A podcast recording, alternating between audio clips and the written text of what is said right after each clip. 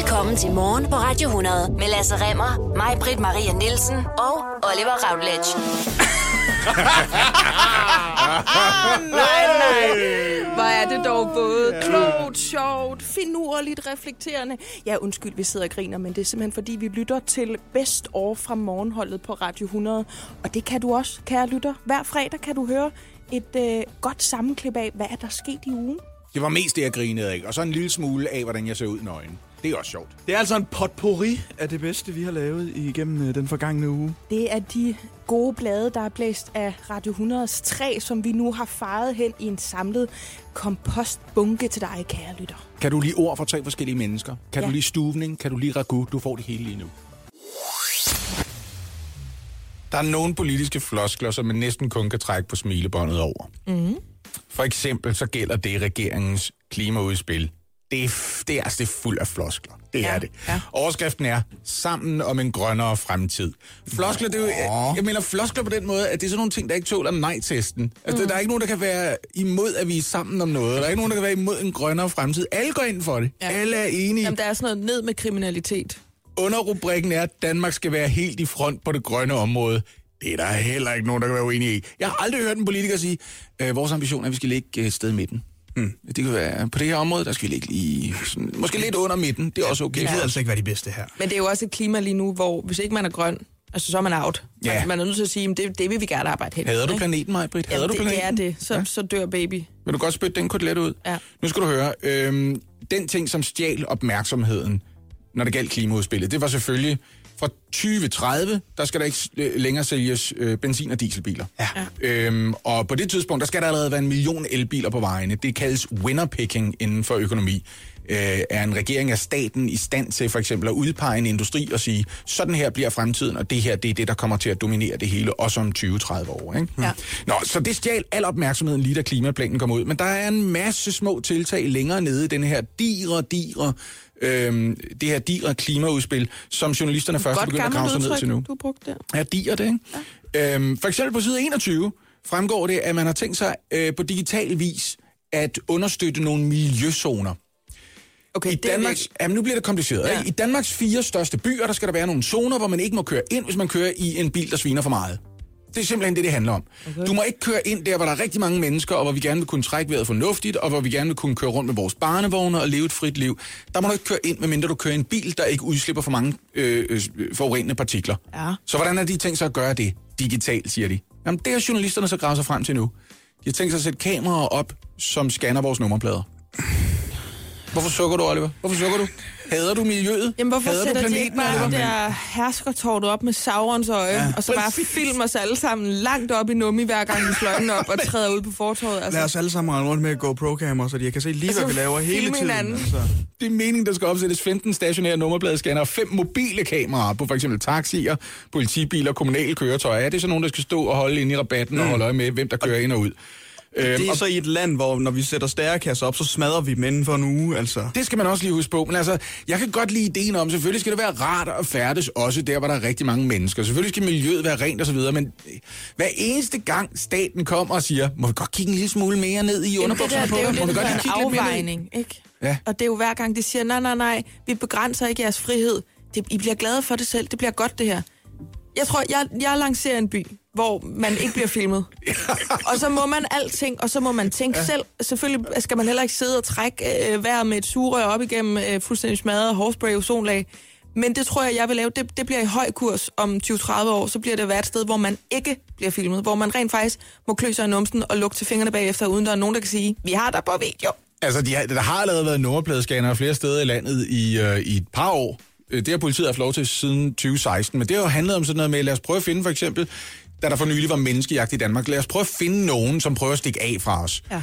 Det her problem er bare, hver eneste gang, der er nogen, der siger, øh, vi har tænkt os at gøre det her, hvor vi øh, lige læser lidt i din dagbog, men vi gør det kun, når det er rigtig vigtigt. Så Vi tænker lover, jeg, vi ikke bruger det til noget andet. Klart de gør, Brita fra Socialstyrelsen. Selvfølgelig bruger du kun den magt, du har fornuftigt. Ja. Jeg stoler simpelthen ikke på det, fordi det er bare almindelige mennesker, som dig, Oliver, og dig, mig, Britt, og mig. Og jeg stoler ikke på mig selv. Du skal du skal ikke låne mig din dagbog og sige, lad være med at læse i den her. Nej. Men, Men der er også- jeg er ved at dø, så Altså, tænker de jeg, sidste at du par år lidt, ikke? har jo Fordi- været en lang demonstration af, at staten bare forvalter magt pissegodt. Så jeg kan godt lide ideen Det var ironisk. Ja, jeg ved det jeg godt. antyder det modsatte. ja. Jeg ved godt, jeg ved godt, at, at der er gode viljer bag ved det her, men mm. det kan bare også bruges røvagtigt. Men prøv at høre vejen til helvede brolagt med gode intentioner. Ja. Og GoPros, som vi skal Og have alle GoPros, mulige ja. steder. Jeg kan ikke, de skal ikke, de skal ikke scanne min nummerplade. Jeg tror, jeg, så går jeg ind og snavser min nummerplade til året rundt. Ja. Så går jeg ind og pøller den til med hundelort, og så er der ikke nogen, der kan læse den. Jamen, bare Det er jo i- lovligt, Lasse. Ja, må det ved ikke. jeg da godt, Det må men du det, ikke, ved du hvad det er? Det er en borgerlig protest, Oliver. Ja, det er, hvad det er. Jeg er wildly frust- frustrated. Go rogue! Jeg, jeg, nu går jeg lidt øh, rogue, fordi jeg begræd det, da Uber ikke måtte køre rundt i København længere. Og det var som ikke fordi, at jeg ikke kunne tilslutte mig. Selvfølgelig skal man svare penge af de skat, af de, af de, øh, hvad hedder det, skat, af de penge, man tjener. Undskyld, det var sådan, jeg mente det. Det er ikke fordi, man skal være skruebrækker for en hel branche. Jeg forstår det godt. Men Uber blev godt nok smidt ud af Danmark, og taxichaufførerne var godt nok sure på dem. Mm. Og nej, hvor var der mange mennesker, der benyttede sig af Uber, både altså, fordi de kørte for folk, og dem, der så satte sig ind i andre menneskers biler. Ikke? Men det kunne man ikke se, der var øh, et marked for. Mm. Øh, monopolet skulle gives tilbage til den etablerede branche, og så kan man jo så vælte sig i historier øh, om taxaselskaber, som ikke lever op til, at man altså har et monopol. Jeg har prøvet et par gange at få at vide, vi gider ikke køre dig den der korte øh, vej der, du må bare gå, for eksempel. Ikke? Jeg stod til et dejligt bryllup i august måned i Vendsyssel. Ja. Ringer efter en taxa, den kommer fem kvarter senere, da jeg skriver om det på Facebook, og hvor frustrerende oplevelsen har været, og prøver ligesom at redegøre for, hvorfor jeg synes, det her det er åndssvagt, og hvorfor jeg synes, det kunne være undgået, for det var ret tydeligt af hele oplevelsen. Så er der folk, der begynder at skrive til mig og sige, du skal bare lige vide, du bliver diskuteret som en taxichaufførgruppe. Og så går jeg ind og kigger i den, og der bliver, altså du ved, der er for jeg og andre kunder bare at vide, hvor store, kæmpe idioter vi er. Mm. At vi ikke fatter, at nogle gange så tager det fem kvarter at køre en tur. På et tidspunkt, hvor der ingen kunder er. Ja. Det sagde den chauffør, der endte med at samle os op. Mm. Ham, der endelig dukker op og siger, jeg har ikke lavet noget den sidste time. Nej, det må være centralen, der er klokket i den. Ja. Det var ikke sket med en app, din... Det var ikke hans skyld, han var skide sød. Ja. Han var skide ja. Det jeg i hvert fald bare vil frem til, det er, det lader til, at der er et marked, man måske ikke helt dækker i forhold til ens serviceniveau, mm. eller i forhold til, øh, hvor hurtigt man er til at komme frem. Og det kan jo skyldes enkelte, altså rådne æg i bakken, det skal jeg ikke kunne sige. Mm. Jeg kan bare sige, imens Uber var tilladt i Danmark, og vi alle sammen øh, kørte rundt, og det var en dejlig øh, trafikfest, der var der mange Uber-biler på vejene, og der er der så ikke længere, og der har været ja, både gode og dårlige historier omkring Uber. Det, der så sker nu, det er, at FDM de siger, øhm, det der med at køre sammen, og det der med, at der er en, en guldråd for den enkelte bilist, som er, at vedkommende kan tjene lidt på at åbne bildøren for andre, det, det er måske en meget god idé. Altså i takt med, at trafikken og trængslen vokser, og de offentlige instanser er ligesom øh, gerne ved den vej. FDM har jo altid været, det ligger i navnet, en interesseorganisation for folk, der ejer deres egen bil jo. Ja, og de har jo ligesom haft det vendetta, der hed altså en bil per mand. Mm. Så mange biler som muligt, bedre vilkår for dem.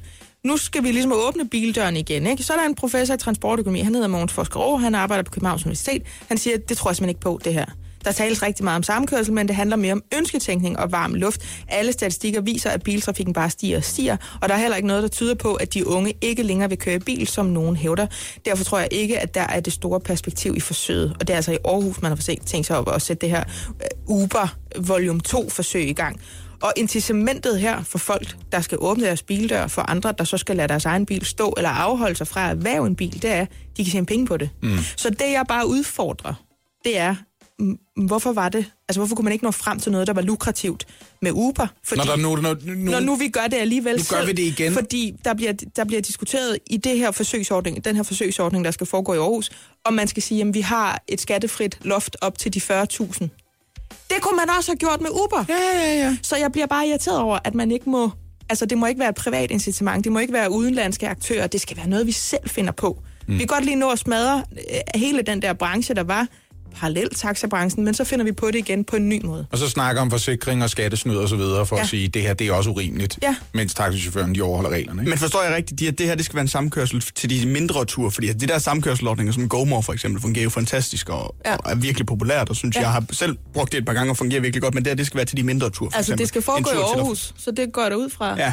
Altså, det, det er jo sådan noget jeg kører i Rema nu, eller altså det man jo basically brugte Uber til, det var jo meget sådan de der luksusture, altså livsstilsturene hjem fra byen, eller mm. hvad sådan noget jeg, ikke? Det lyder også som om ham der transportøkonomiprofessoren, han har meget godt fat i noget. Ham der Mogens, du nævnte, ikke? Han har Ja. fat i den der ting med, at vi kan enormt godt lide at forestille os, at fra i morgen, der gør jeg alle de ting, jeg ved er Gør alle de rigtige. rigtige ting. Der gør jeg alle de rigtige ting. Jeg skal da ikke sidde alene i den her bil i morgentrafikken, indtil du opdager, Åh, det kan sgu godt være en lille smule træls at gøre det ren og skær god vilje og opsøge en eller anden fyr, der hedder Henrik, som bor otte gader væk, som du egentlig ikke rigtig kender, for I, I kan sidde to i en bil Og i stedet høre, for, ikke? jeg ved godt, at Uber øh, var nogle banditter på den måde, at de fungerede øh, til del som skruebrækker for den, den etablerede branche. Mhm. Mm-hmm. Øh, jeg synes bare, at hele den snak, der er nu, også fordi Uber-chauffører, de var jo ikke selv på vej til noget andet, men det begynder man jo så også at spekulere i her, for der er jo brødende kar alle steder. Så vil Ja. der være nogen, der bare kører rundt og siger, at de selv kører tur, og så er det samme kørsel, men de skulle egentlig ikke noget selv. Det jeg bare efterlyser, det er den snak, vi har nu, hvor de her offentlige instanser og organisationer, de altså melder sig og siger, at det er faktisk en meget god idé, det der med at proppe flere mennesker ind i en bil, og vi kører for hinanden. Hvordan gør vi med skat? Hvordan gør vi med afgifter? Hvordan kan vi... Altså, den kunne vi dele med godt have haft, dengang vi smed Uber på porten. Ja. Det er bare det, jeg siger. I stedet for at starte forfra, så nu digter vi det samme en gang ja. til. Jeg siger ikke, man skal snyde skat. Jeg siger ikke, man skal obstruere en hel branche. Jeg siger bare, det her, det, det kunne man godt have fået for et års tid siden. Ja. måske. ja. Og det er genau, hvad Angela Merkel hvilket har land gjort. skal vi så tale om? Og vi skal snakke om Tyskland, fordi øh, Angela Merkel, nej, hun vil nicht mehr für Parteivorsitz kandidieren.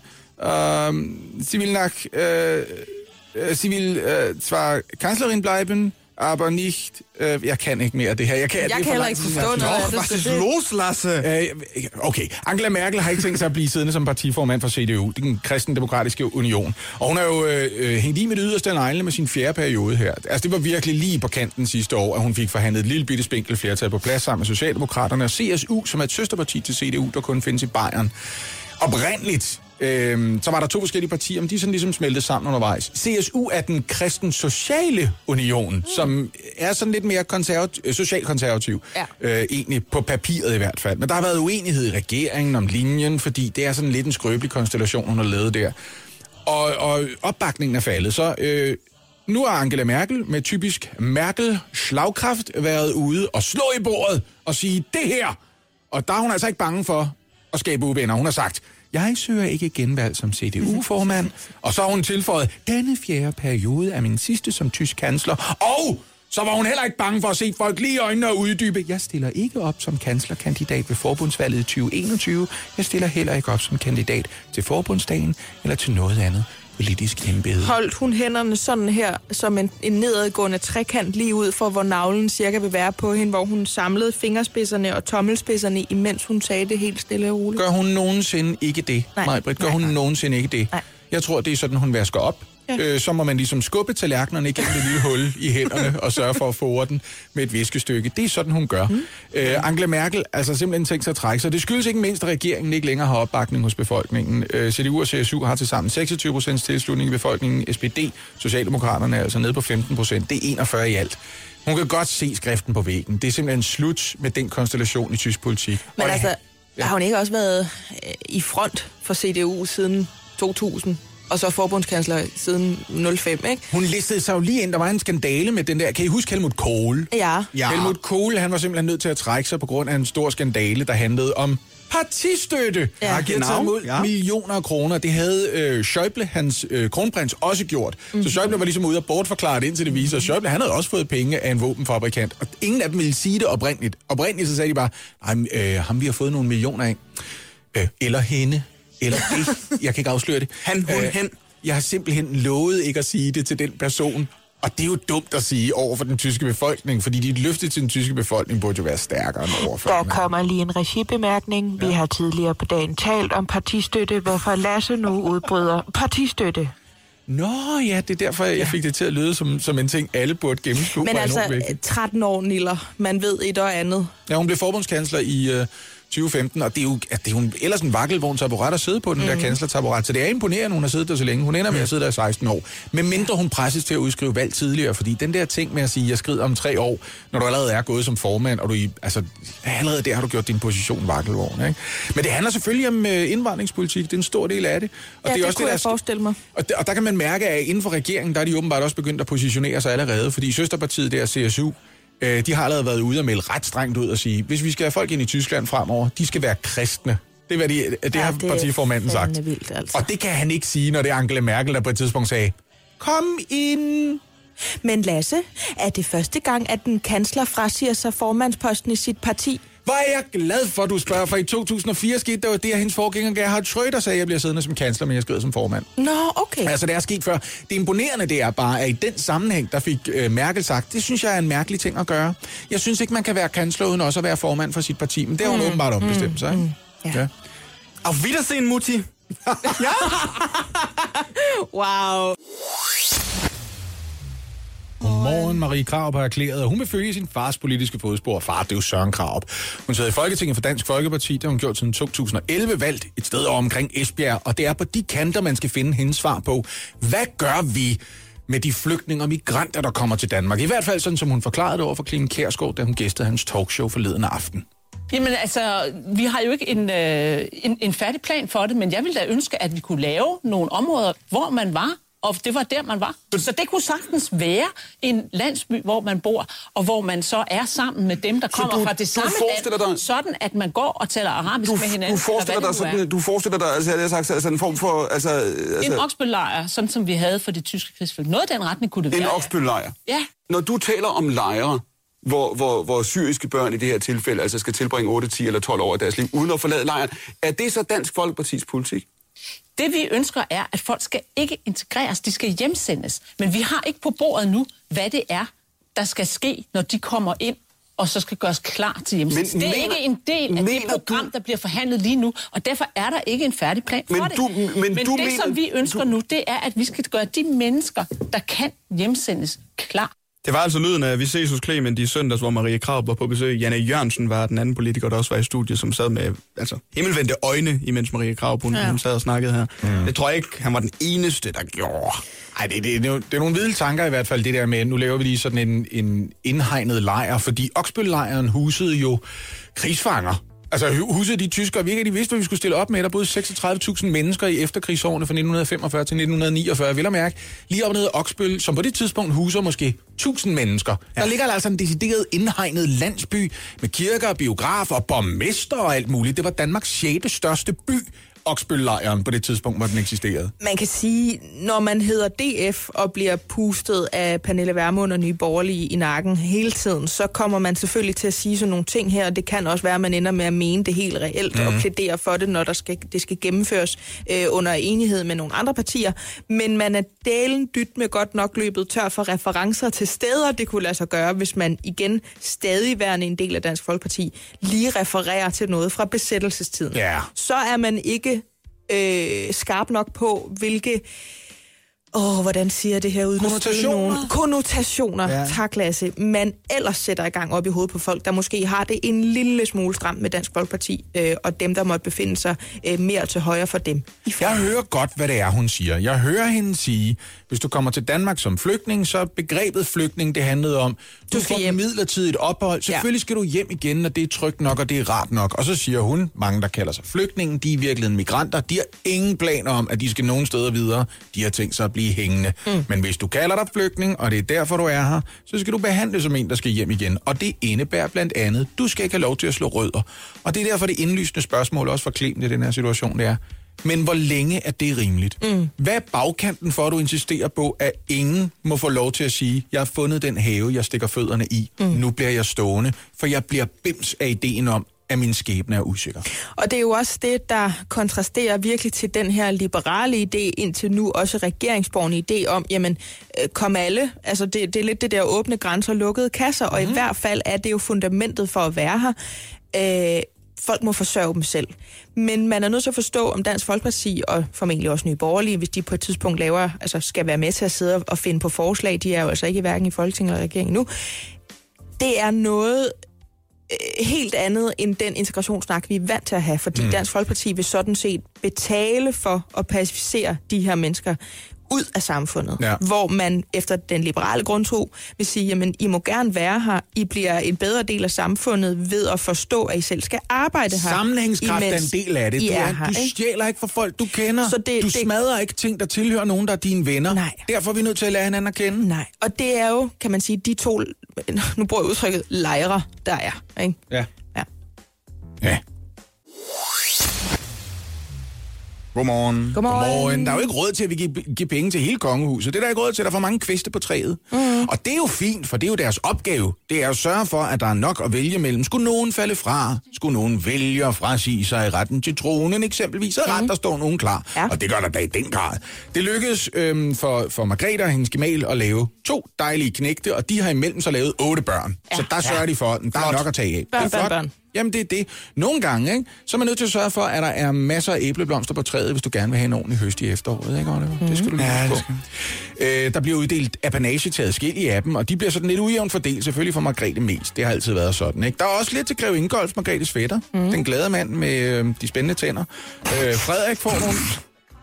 Come on, hvis du skal vide, hvem Ingolf er. Jeg er udmærket klar over, hvem Ingolf er. Sanseløst bevidst om, hvem man er. Ja. Okay, fair enough. Der, der er penge til selvfølgelig Frederik. Øh, han får en ordentlig klump penge. Der er penge til Mary. Der er penge til prinsesse Benedikte, en af de to søstre til Margrethe. Ikke, ikke at forveksle med eks-Benedikte.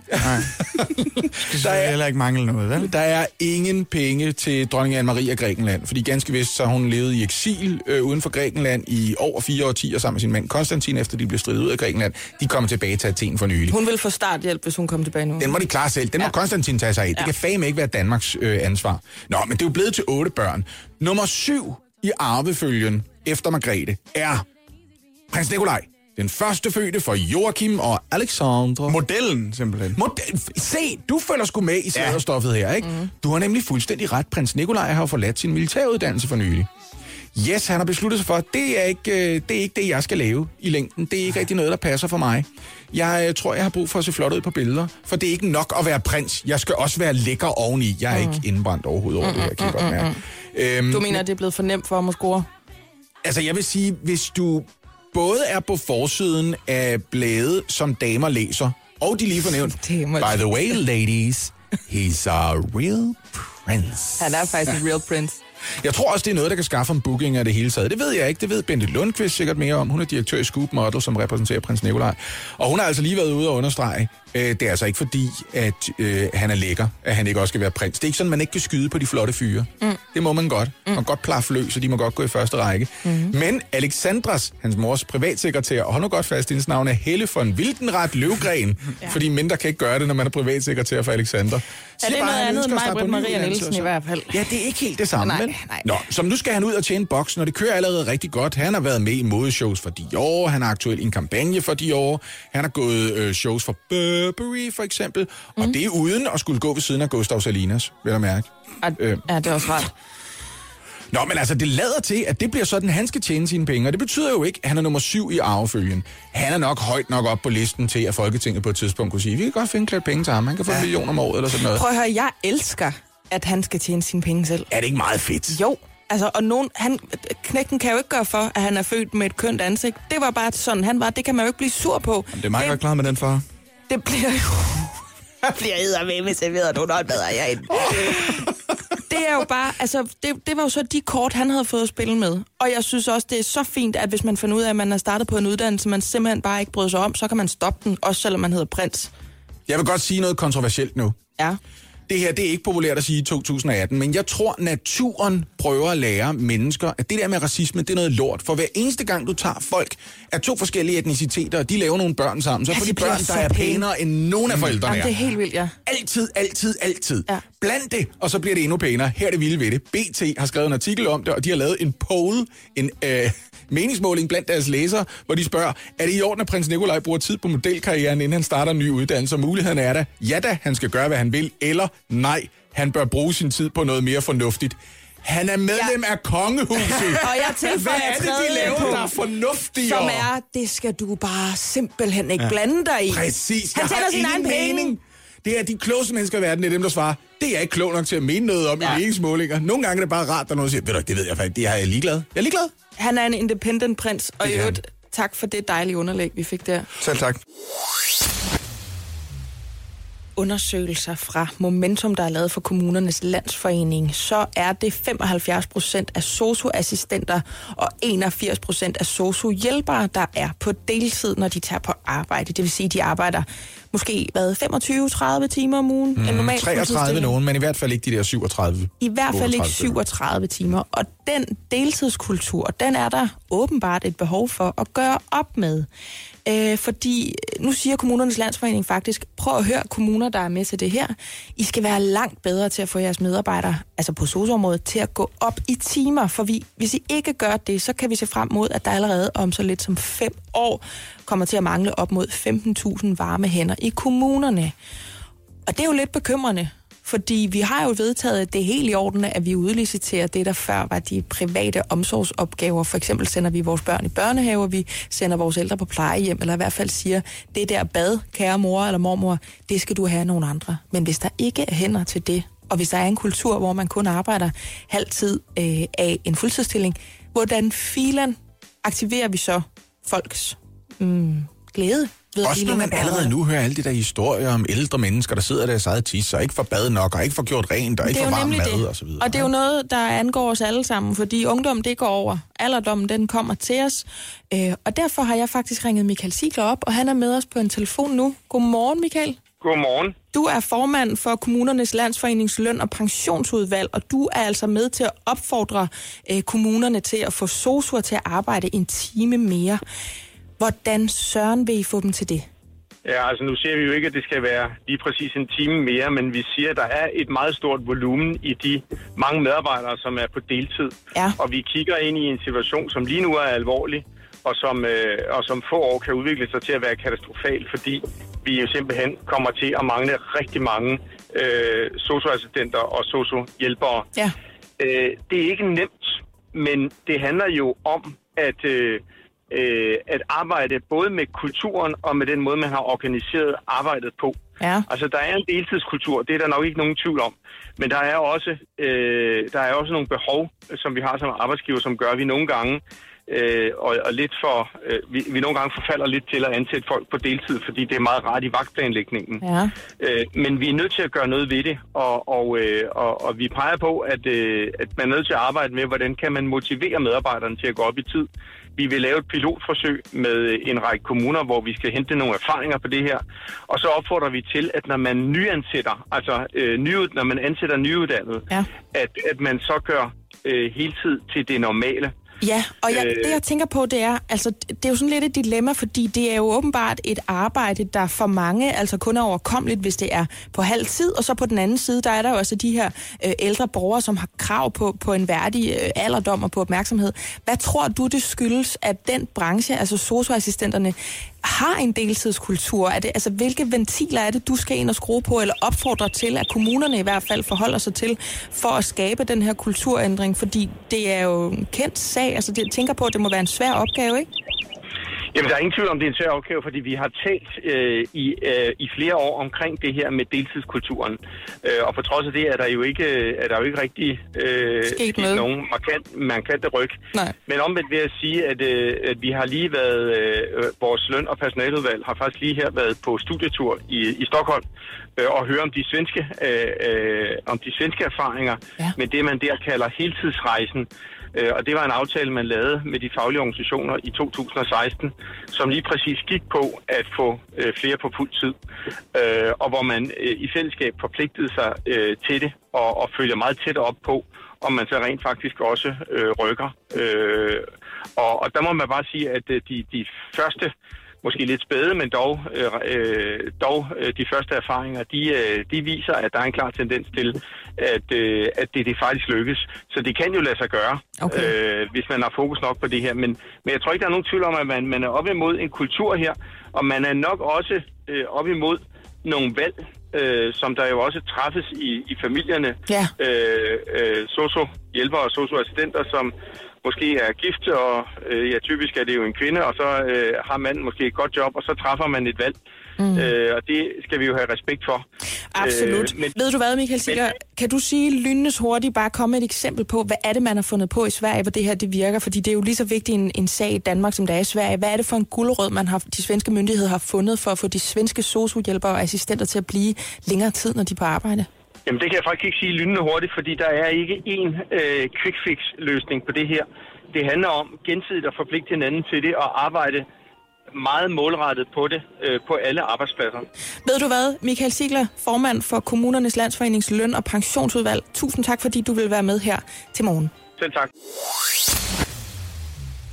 Godmorgen. Godmorgen. Jeg er kæmpe fan af sådan nogle bogstaveri, men ikke? så jeg kan godt lide, når man kalder noget for fagligt fælles forbund, men de kalder sig bare for 3F. Hmm. 3F de bedriver også journalistik i aktivistisk øje med, fordi de er jo en fagforening, og de vil gerne sikre sig, at folk, der arbejder inden for deres fagområde, de har ordentlige forhold.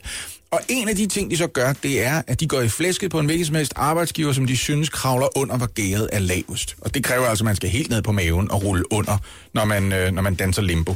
Det mener de, de har fundet en vognmand, som har gjort før, og som er i gang med at gøre igen. Vognmanden, det må jeg godt sige, det står i adskillige medier rundt omkring. Mm. Man kan sige lige ud. Vognmanden hedder øh, Kurt Beyer. Han leverer transportløsninger til et par større transportfirmaer, som for eksempel DSV og Blue Water. Men de to store transportselskaber, de er gået i gang med at kigge på, om de vil bruge ham som underleverandør i lyset af den her sag for 3F. Ja, Nede omkring Padborg. men hvad er det dog, der er sket? Jamen det er det. Nede omkring Padborg. Lige omkring grænsen. Ja. Det er nemlig ret snedigt. Der mener 3F, at de har fundet nogle fuldstændig urimelige vilkår for nogle filippinske chauffører, og også enkelte sri lankanere. Og her er grunden til, at de ved det. Det er fordi, der er nogle af de filippinske chauffører, som har henvendt sig til 3F og sagt, vi, altså de lovede os, da vi kom hertil, at der ville være okay boligforhold og okay arbejdsforhold. Nu får vi så noget 6.000 kroner om måneden for at arbejde mere end fuldtid, og vi bor i en container. Okay. Ja, jeg kan lige prøve, at, lige prøve at sørge for, at I får lov til at kigge nogle billeder med her. Ja. Det her er... Lasse vender sin computer om. Jeg kigger. Mm, det her, okay, det, det, er, ser rimelig sindssygt ud, det, det der. ser lidt trist ud. Det er billeder, som chaufførerne selv har taget og sagt, det er så her, vi sover. Her er en skumgummi-madras på gulvet, ja. og der er et intermistisk køkken. Det er sådan helt øh, sådan barak næsten, det Ja, der. lige de præcis. Det ja. er nemlig en uh, barak, og ikke af den gode amerikanske præsidentslags. Øhm, det her, det er jo sådan noget, det vil 3F, det vil de simpelthen ikke sidde og overhøre. Hvordan kan du overhovedet lade sig gøre? Men har jeg forstået ret i det her med, at øh, lastvognselskabet er oprettet i Polen eller et eller andet, og dermed er der ikke rigtigt noget, man kan gøre ved det? Du er top tæt på her. Det, der sker, det er, at hvis man gerne vil have filippinsk arbejdskraft i Danmark for at arbejde for, hvad der i sidste ende ender med at være en 15 kroner i timen, så søger de først opholdstilladelse i Polen. Det er man lidt nemmere ved at slippe afsted med i Polen, hvis man er filippiner. Og når man har fået den, arbejdskraftens frie bevægelighed i EU, Ja. ja. så kan du tage til Danmark og arbejde her. Og der er jo ikke nogen, fordi på grund af den danske model, der er jo ikke en lovgivning, der forbyder en arbejdsgiver at betale folk rigtig dårligt, hvis mm. de indgår en aftale om, men det er okay med mig. Mm. Det er noget, som arbejdsgiver og arbejdstagere må finde ud af i indbyrdes forhandlinger, og det er noget, som staten meget sjældent blander sig i. Altså, det her, det virker som en forstørret udgave af den øh, problematik, som håndværkere for eksempel i forvejen siger, vi har, fordi der kommer, det er så faktisk ofte polakker, altså, mm. som kommer op og lige skynder sig at bygge øh, en garage til en Patricia Villa øh, over en efterårsferie, og så koster det kun det halve, fordi igen, arbejdskraftens frie bevægelighed, den danske model, og man måske slet ikke rigtigt, der er nogen, der ved, man er i landet for at arbejde. Det kan vi ikke vide. Men hvorfor er det, at lige præcis de her mennesker har har henvendt sig til 3F. Hvorfor, hvorfor tager de ikke bare, altså, hvorfor æder de den ikke bare, ligesom så mange andre gør? Det, der er vildt ved det, ikke, det Ja. er, at det her det er jo i grænselandet for trafficking. Det skal jeg passe på med at udstede nogle anklager om, men der er folk, blandt andet hos politiet, der er i gang med at undersøge, under hvilke betingelser, at de her filipiner kom til Danmark. Mm. Og menneskehandel handler jo ikke bare om sådan noget menneskeslaveri. Det handler også om for eksempel at sige til folk, kom lige til Danmark på den her flybillet. Det bliver mega fedt. Det bliver super godt, når du så ankommer, så kan man gøre forskellige ting. Tag deres pas fra dem. Det er slet ikke, hvad jeg siger, der er sket i den her sammenhæng. Det er noget, der sker i meget mere lyssky brancher. Men man kan også placere folk i en situation, hvor de siger, at hvis du vil hjem, skal du selv betale flybilletten. Og du tjener 15 kroner i timen. Held og lykke med at spare penge op. Så det her, det er i virkeligheden bare et bære, der er flyttet over. Fordi mm. vi, jo, vi ved jo, at udenlandsk arbejdskraft altså notorisk bliver behandlet dårligt. Det kommer der en ny sag om hver anden måned. Mm-hmm. At så finder man ud af, at gud, de bor i en campingvogn uden vand og varme, og det er frostgrader, de bor ved siden af en byggeplads. Bum, I hvert fald, bum, hvis det land, de kommer fra, det er et rigtig fattigt land. Ikke? Sådan noget der, ikke? Men det her, det har så bare ramt altså loftet for, hvad man vil finde sig i. Ja, og 3F, de har altså sørget for, at der, er, øh, der har været en politiratja. De har været forbi at kigge på, hvad foregår der egentlig? Og politiet vil ikke udtale sig om, hvad det er, de er bekymrede for, for der skal jo være nogle kritisable, ikke bare kritisable, men også kriminelle forhold på spil. Det vil politiet ikke tale om, hvad det er, de er i gang med at efterforske, men der var omtrent 25 af de ansatte, som fulgte frivilligt med for at tale med politiet bagefter, og føler sig på en måde nærmest undsat. De fleste af dem filipiner, enkelte, enkelte af dem sri lankanere, men problemet her, det er jo også, at selv de her kummerlige vilkår kan vise sig at være en mulighed for at tage noget arbejde, man ikke kunne have fået i Filippinerne. Og så er det lige pludselig svært at få de mennesker til at tale med myndigheder, med fagforbund eller med politiet for den sags skyld, fordi de tænker, det er noget lort, men det er det mindste noget lort, jeg ved, hvad er. Undtagen dem, der så har henvendt sig direkte til 3 og for sagt, prøv lige at vende jeres lommelygte imod os, fordi vi tror, der foregår noget her, der ikke er i orden efter jeres standarder. Det lader til at være sådan, ting hænger sammen i hvert fald. Godmorgen. Godmorgen. Morgen. Kan I huske, Lasse, nu var du lige ude og snakke i telefon, ikke? Mm. Hvis nu jeg siger freestyler, ragamakafone, Det er de der finder, ikke? Det er ham der, det er bum, bum, bumfunk. Bum, bum, funk, MC. MC, ja. Freestyler. Og grunden til, at jeg nævner det, det er fordi, Ragamakafon. det her med, at man synger med på noget, mm. altså små kider også, der synger chill off, chew, yeah, yeah, yeah, mm. det kan jeg huske, at Madison sagt en gang, og jeg tænkte, gud, var det rigtigt. Ja. Hvor har man sunget med på meget, sikkert også som voksen, hvor man har en idé om, hvad det er, man synger, eller man i hvert fald ved, hvordan turneringen skal være. Så hvis man synger med i et kor, så er der ikke en kat, der opdager, at man ikke kan sang. Og det kan være så nuttet. Jeg så en hel Facebook-video i går med en toårig pige, der sidder i en autostol og a cappella synger hele Bohemian Rhapsody, sådan som hun har hørt den. Yeah. Ja. Jeg hørte så noget, der kunne have været en nu øh, reaktion i går, fordi det her med alle helgens aften minder om faste lavn. I hvert fald er man klædt ud, og man er ude og ja, dybest set bede fremmede mennesker om penge eller slik. Jeg tror, de fleste giver dem slik. Ikke? Hvilket altid er en tryg situation at befinde sig i. At Ja. være barn og bede en voksen, man ikke kender om at få noget slik. Ja, du, men du skal ikke gå med mig og give mig slik. Du skal blive i dit hjem. Jeg kommer selv og banker på og bør, spørger, om jeg må få noget Jeg har slik. Pinocchio-kugler inde i min varevogn. Ja, men de kom ikke og ringede på hos mig, fordi jeg bor i en etageejendom, og jeg tror, de har fundet ud af, det, det bliver noget hovedpine. Ja. Det bliver noget pangelværk. Ikke, Olli? Ja, pangelværk. Pangelværk. Vi går hen til husene, og dem er der et par stykker af rundt omkring der, hvor jeg bor. Så jeg kan høre ind af vinduet, lige ind i mit øre, at nu er der øh, børn på færre, simpelthen. Da de forlader huset igen, der synger de i kor den frække sang, som jeg sagde øh, for to og en halv time siden, at jeg gerne vil have lov til at recitere, fordi i modsætning til Raka Maka Phone, som jo i dybest set var Rock the Microphone, så blev der her sunget med på en sang, som jeg føler mig overbevist om, de her børn ikke har vidst, hvad var.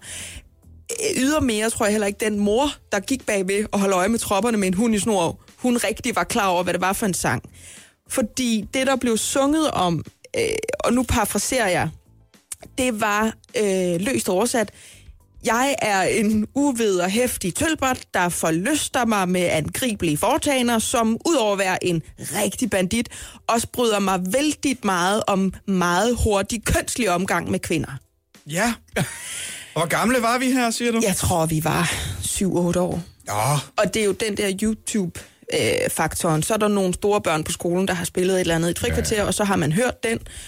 Og det var altså den, der blev sunget. Og min kæreste og jeg, vi stod sådan helt... Hvad, hvad er det, de synger dernede? Fordi de sang faktisk ikke. Det var ikke rackermakafon.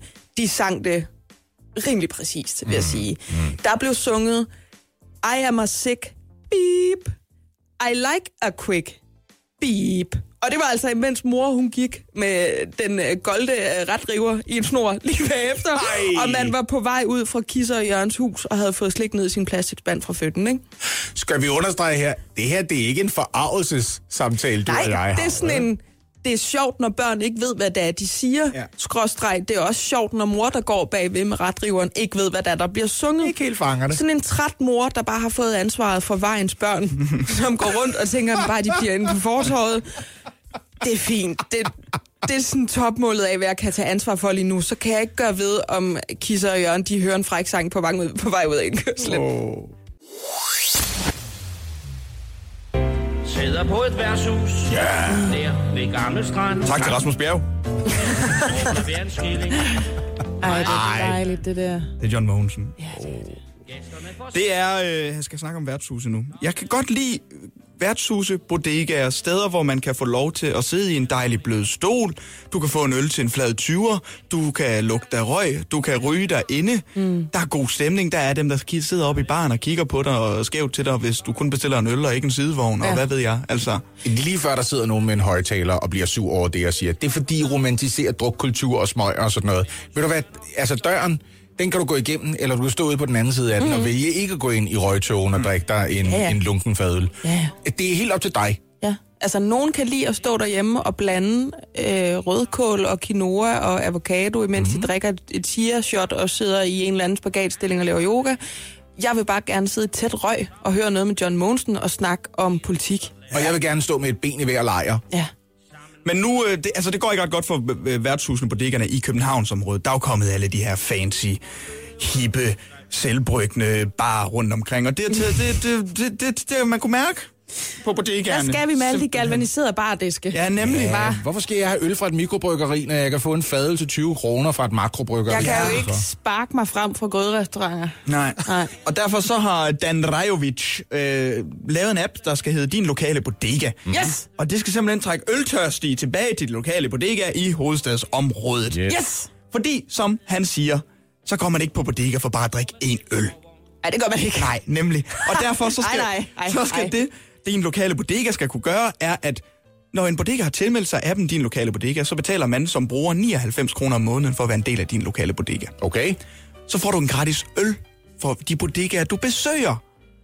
Altså alle stederne. Alle de steder, der er med, så Bodega får du crawl. en gratis øl. På Bodega Crawl, lige præcis. Er, er det her på en måde så årstiderne for folk, der godt kan lide at være snallerede på en hverdag? Ja, lige præcis. Og altså, som, som han siger, Dan, så drikker man jo ikke kun én øl, så de får Ej, den første ej. øl gratis. Og derefter så regner de jo med, at Ja. hvis du skal have en sidevogn til, hvis du skal have en ekstra øl. Men Dan har jo egentlig bare lavet en app til det, der findes i forvejen, som er det, der hedder dødsruten, eller brun rute, som er, at man, altså popcrawler eller bodega-crawler, på Frederiksberg for eksempel, hvor jeg bor, der ligger der en del gode, gamle, bevarede værtshuse, hvor stemningen er, som jeg forestiller mig, den har været for 40 år siden også. Så tager man en øl, eller et glas, et glas portvin, eller det værer sig et glas pastis, måske, mm, hvis man kommer på de kanter. ja, lækkert, lækkert, ja, ja, dejligt. synes, Og så siger man, anis. goddag, skål med jer, nu går vi videre om 20 minutter. Mm. Og så får man ligesom set det ene, man får rykket sig lidt, og ja, det kan være, der er nogen, der slår en streg op af en husmor på vejen, det kan man ikke vide.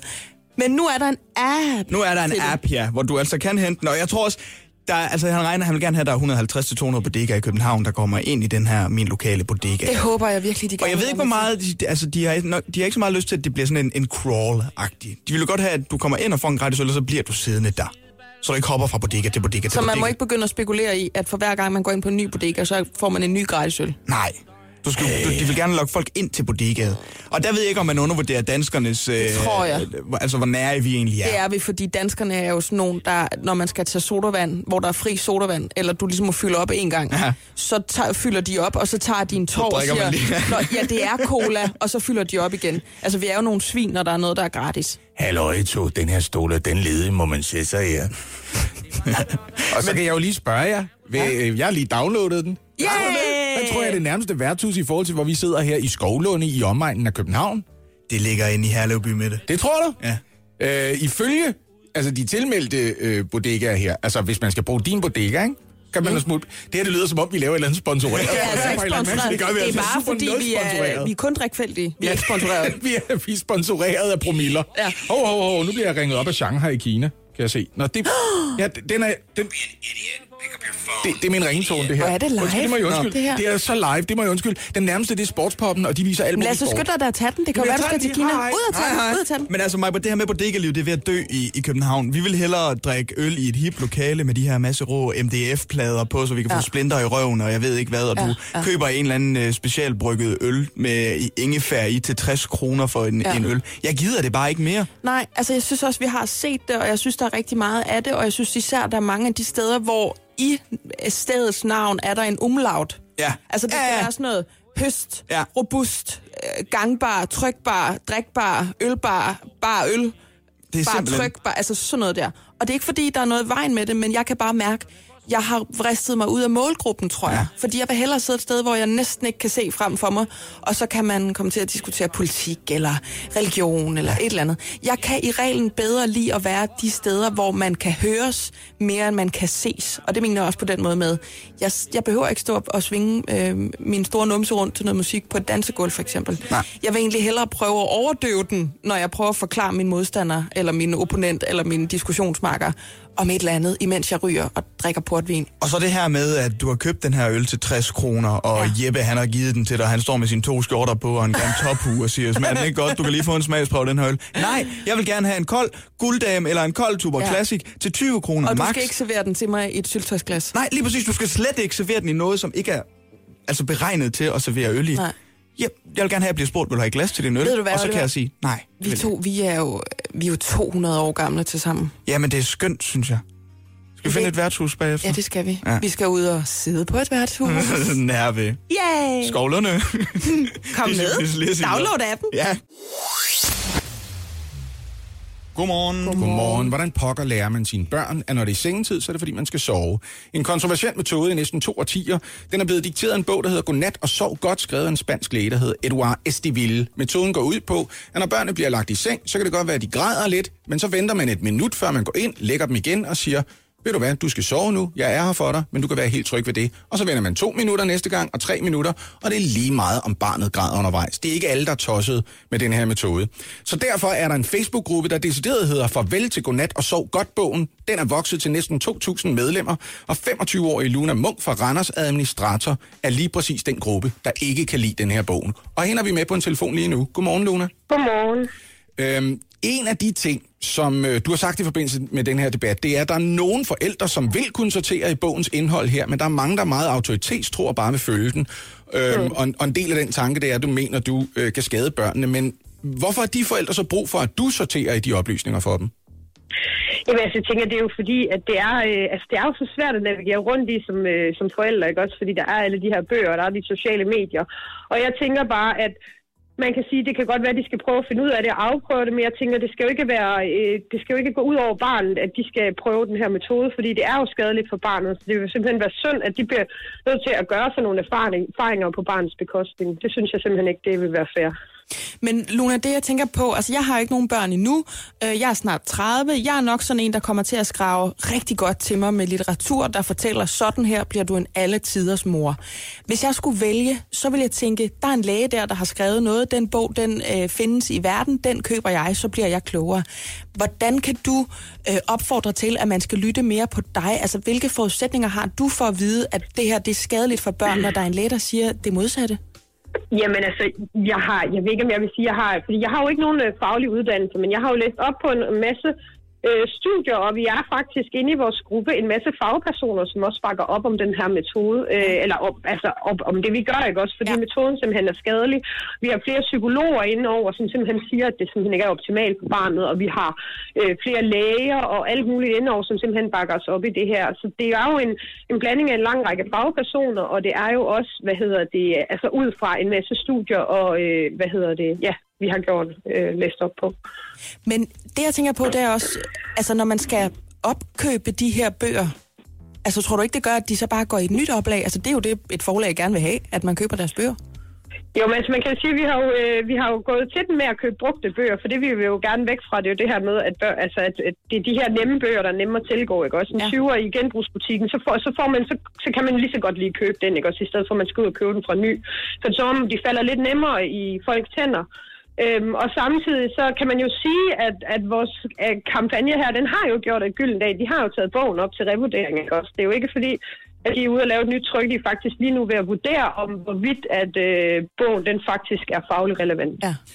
Her er en af de ting, som du har sagt i den anledning i, i det debatindlæg, du skrev til politikken. Du skriver, vores ærne er ikke at pege fingre af forældre, der bruger metoden. Det er derimod at gøre alle klogere, så vi kan være de bedste forældre, vi kan være i den tid, vi lever i. Men jeg synes også, at det er en måde at sige, at de forældre, som ikke gør, som du synes er bedre, de er ikke de bedste forældre, og de forældre, som undlader at bruge den her metode, det er de bedste forældre. Jamen, jeg kan godt se, og jeg kan godt se, at en hårfin grænse. Problemet er jo bare, at den her metode er så skadelig, at man bliver nødt til at gå efter bolden. Jeg står ikke og peger fingre på at folk, der ligesom siger, øh, altså, og siger til dem, at du er en dårlig mor, fordi du har brugt den her metode Det var det, jeg skrev i debatindlæg, ikke også? At det er, det er en ny tid, ikke også? Vi bliver klogere hele tiden. Altså, hvad vi troede, der var rigtigt for 10 år siden, er ikke rigtigt i dag. Og der skal man ligesom bare kunne anerkende, at okay, måske var det ikke det smarteste. Og så skal man huske, at jeg går ikke hen, og, altså, der er ikke nogen, der går hen og peger fingre og siger, at du er en dårlig mor, fordi du har brugt metoden. Vi er bare her for at oplyse og lige, ligesom nu fortælle, at den her metode, den er altså ikke god for børn, og det er simpelthen noget, vi skal væk fra, fordi det hører fortiden til. Altså, jeg har to døtre, de er 11 og 15, og de har lært at falde i søvn på den måde. De er sunde, harmoniske, glade børn, og de oplever os, opleves ikke som omsorgsvigtet overhovedet. Kan du forstå, at jeg personligt har en oplevelse af, at når du siger det her, så siger du, at uanset hvornår det her det er gjort, så har jeg gjort skade på mine børn ved at lære dem at sove hen over to aftener på den her måde. Altså, jeg siger ikke, du har gjort skade på dine børn, men jeg sidder jo og siger, at potentielt så kan der ske en, øh, en tilfælde, fordi selvfølgelig så er børn forskellige, og der er jo nogen, jeg ved jo heller ikke, hvordan du har gjort det. Det kan jo også være, at dine børn, de kun har grædt i et minut, og så har de øh, erfaret, at de skal lægge sig til at sove. Men det er jo hele den her med, hvis man kigger i den her bog, der står jo, at du skal lade dine børn græde i op til 22 minutter, og der står, at du skal ignorere, hvis de kaster op.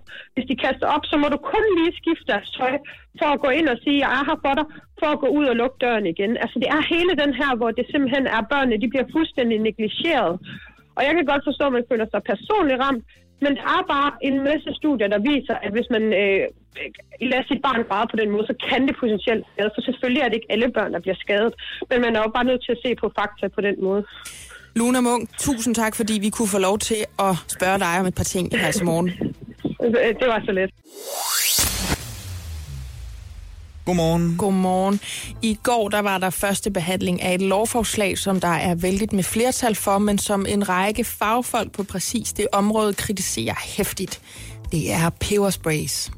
Ja. Fordi der er nemlig flertal for nu, at man vil øh, give borgerne lov til at have en peberspray i sengebordsskuffen eller i et entrémøbel, for eksempel. Men hvad går kritikken ud på? Fordi jeg kan ikke helt forstå... Øh, det er jo lovligt i andre lande, har man Ja. set, og det, jeg kan selvfølgelig Jamen, godt det se, kan at det er sige. farligt, at hvis der er nogen, der øh, kommer til at sprøjte med peberspray, hvor det måske ikke helt var nødvendigt, og man er bange for den del af det. altså der, der er mange forskellige spor i det. Vi kan starte med det, der hedder lovligt nødvæve. Ja. Det er jo det der med, hvis der er nogen, der... Øh, nu snakker vi om det der før med, du er stærkere end mig. Hvis du ja. pludselig hammer mig ind på siden af hovedet. Ja, nu bliver det voldsomt. Ja, hold op. Og jeg tænker, det var da lige godt satans. Han skal slås igen. Ja. Det er ikke lovligt nødvæve, hvis du allerede er på vej videre. Altså hvis jeg ikke kommer mere til skade, hvis ikke jeg bare fjerner mig. Ja. Men hvis jeg i stedet for tænker, nu skal han have, altså nu tager jeg til genmæl, nu vil jeg hævne mig, så er det ikke længere nødvæve. Så er det mig, der er blevet sur. Så er det mig, der fortsætter, kan man sige, voldsopstilling. Ikke? Ja. Nødvæve, det er, at man er nødt til at gøre noget for at stoppe det, der er i gang. ja, for sin egen sikkerhed. Præcis. Og det er ligesom under den betegnelse, at man tænker, skal vi indføje pebersprayen derunder. Ja. Kritikken er så, og det er jo altså sådan nogen som Claus Oxfeldt for eksempel, øh, siger, jamen peberspray øh, vil ikke øge trygheden for nogen som helst, fordi det giver en falsk fornemmelse af tryghed. Og i øvrigt, hvis man sprøjter med en peberspray inde i en meget lille lang træ for eksempel, så kan de her partikler af pebersprayen sprede sig, og så får man det altså selv i øjnene, og så er man jo lige hvidt. Det jeg bare har lidt svært ved at forstå, det er jo, nu sagde jeg før, også for at lede os lidt på vej, hårspray for eksempel. Ja. Det er en ret almindelig ting at have i et hjem. Du har også et køkken, der er fuldt af potentielle altså morvåbner simpelthen. Ja. Din bil kan også være et våben. Altså Alt. en teltpløk kan være et våben. Alt kan, hvis du er øh, tosset nok oven i hovedet, potentielt være et våben. Det kan dine egne hænder også være. Ja. Så mine anke er lidt, jamen det kan godt være, at man kan beskadige øh, øjne og slimhinder vejet, hvis man selv får det her i øjnene. Det kan man også, hvis man får sin egen urtekniv i ansigtet. Ja, det kan man nemlig. Så jeg tænker på, altså vi har jo et hjem, de fleste af os, der i forvejen buner af ting, der kan gøre skade på os selv.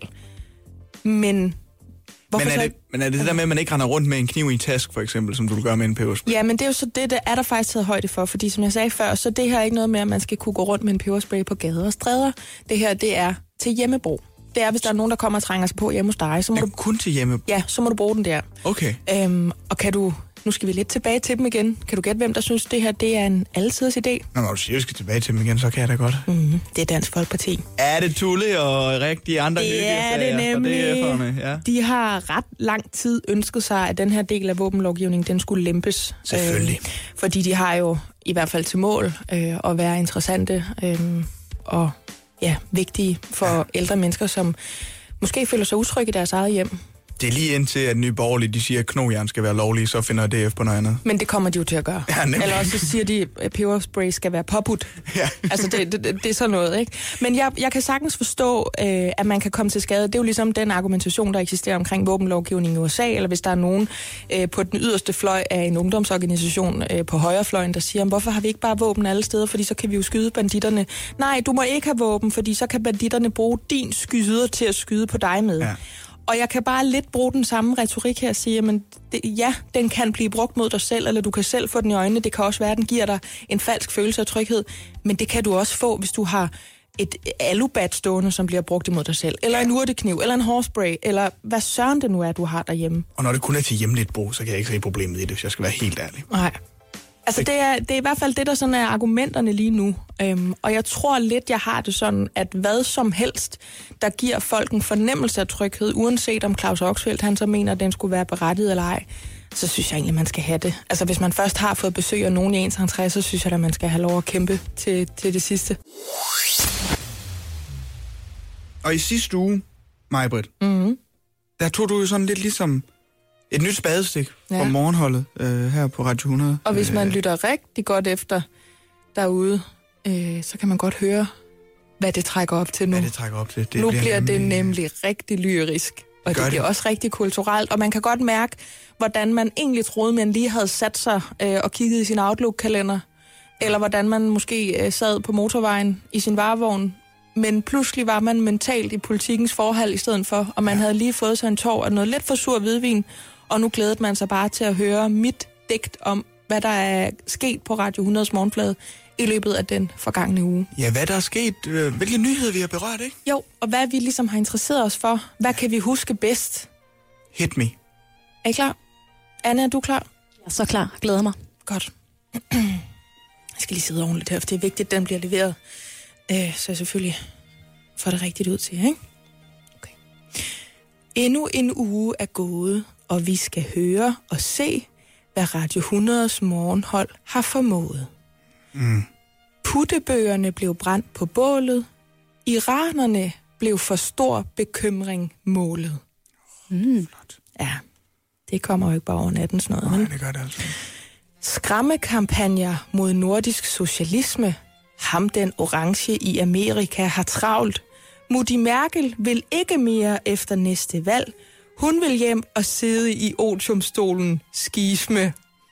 Wow. Ej, den kunne jeg godt Wow. lide. Ja. Det var flot. Det var virkelig god. Det er måske ikke my best work, men, men jeg synes, den fungerer. Okay. Remmer fik sit visum til Kina.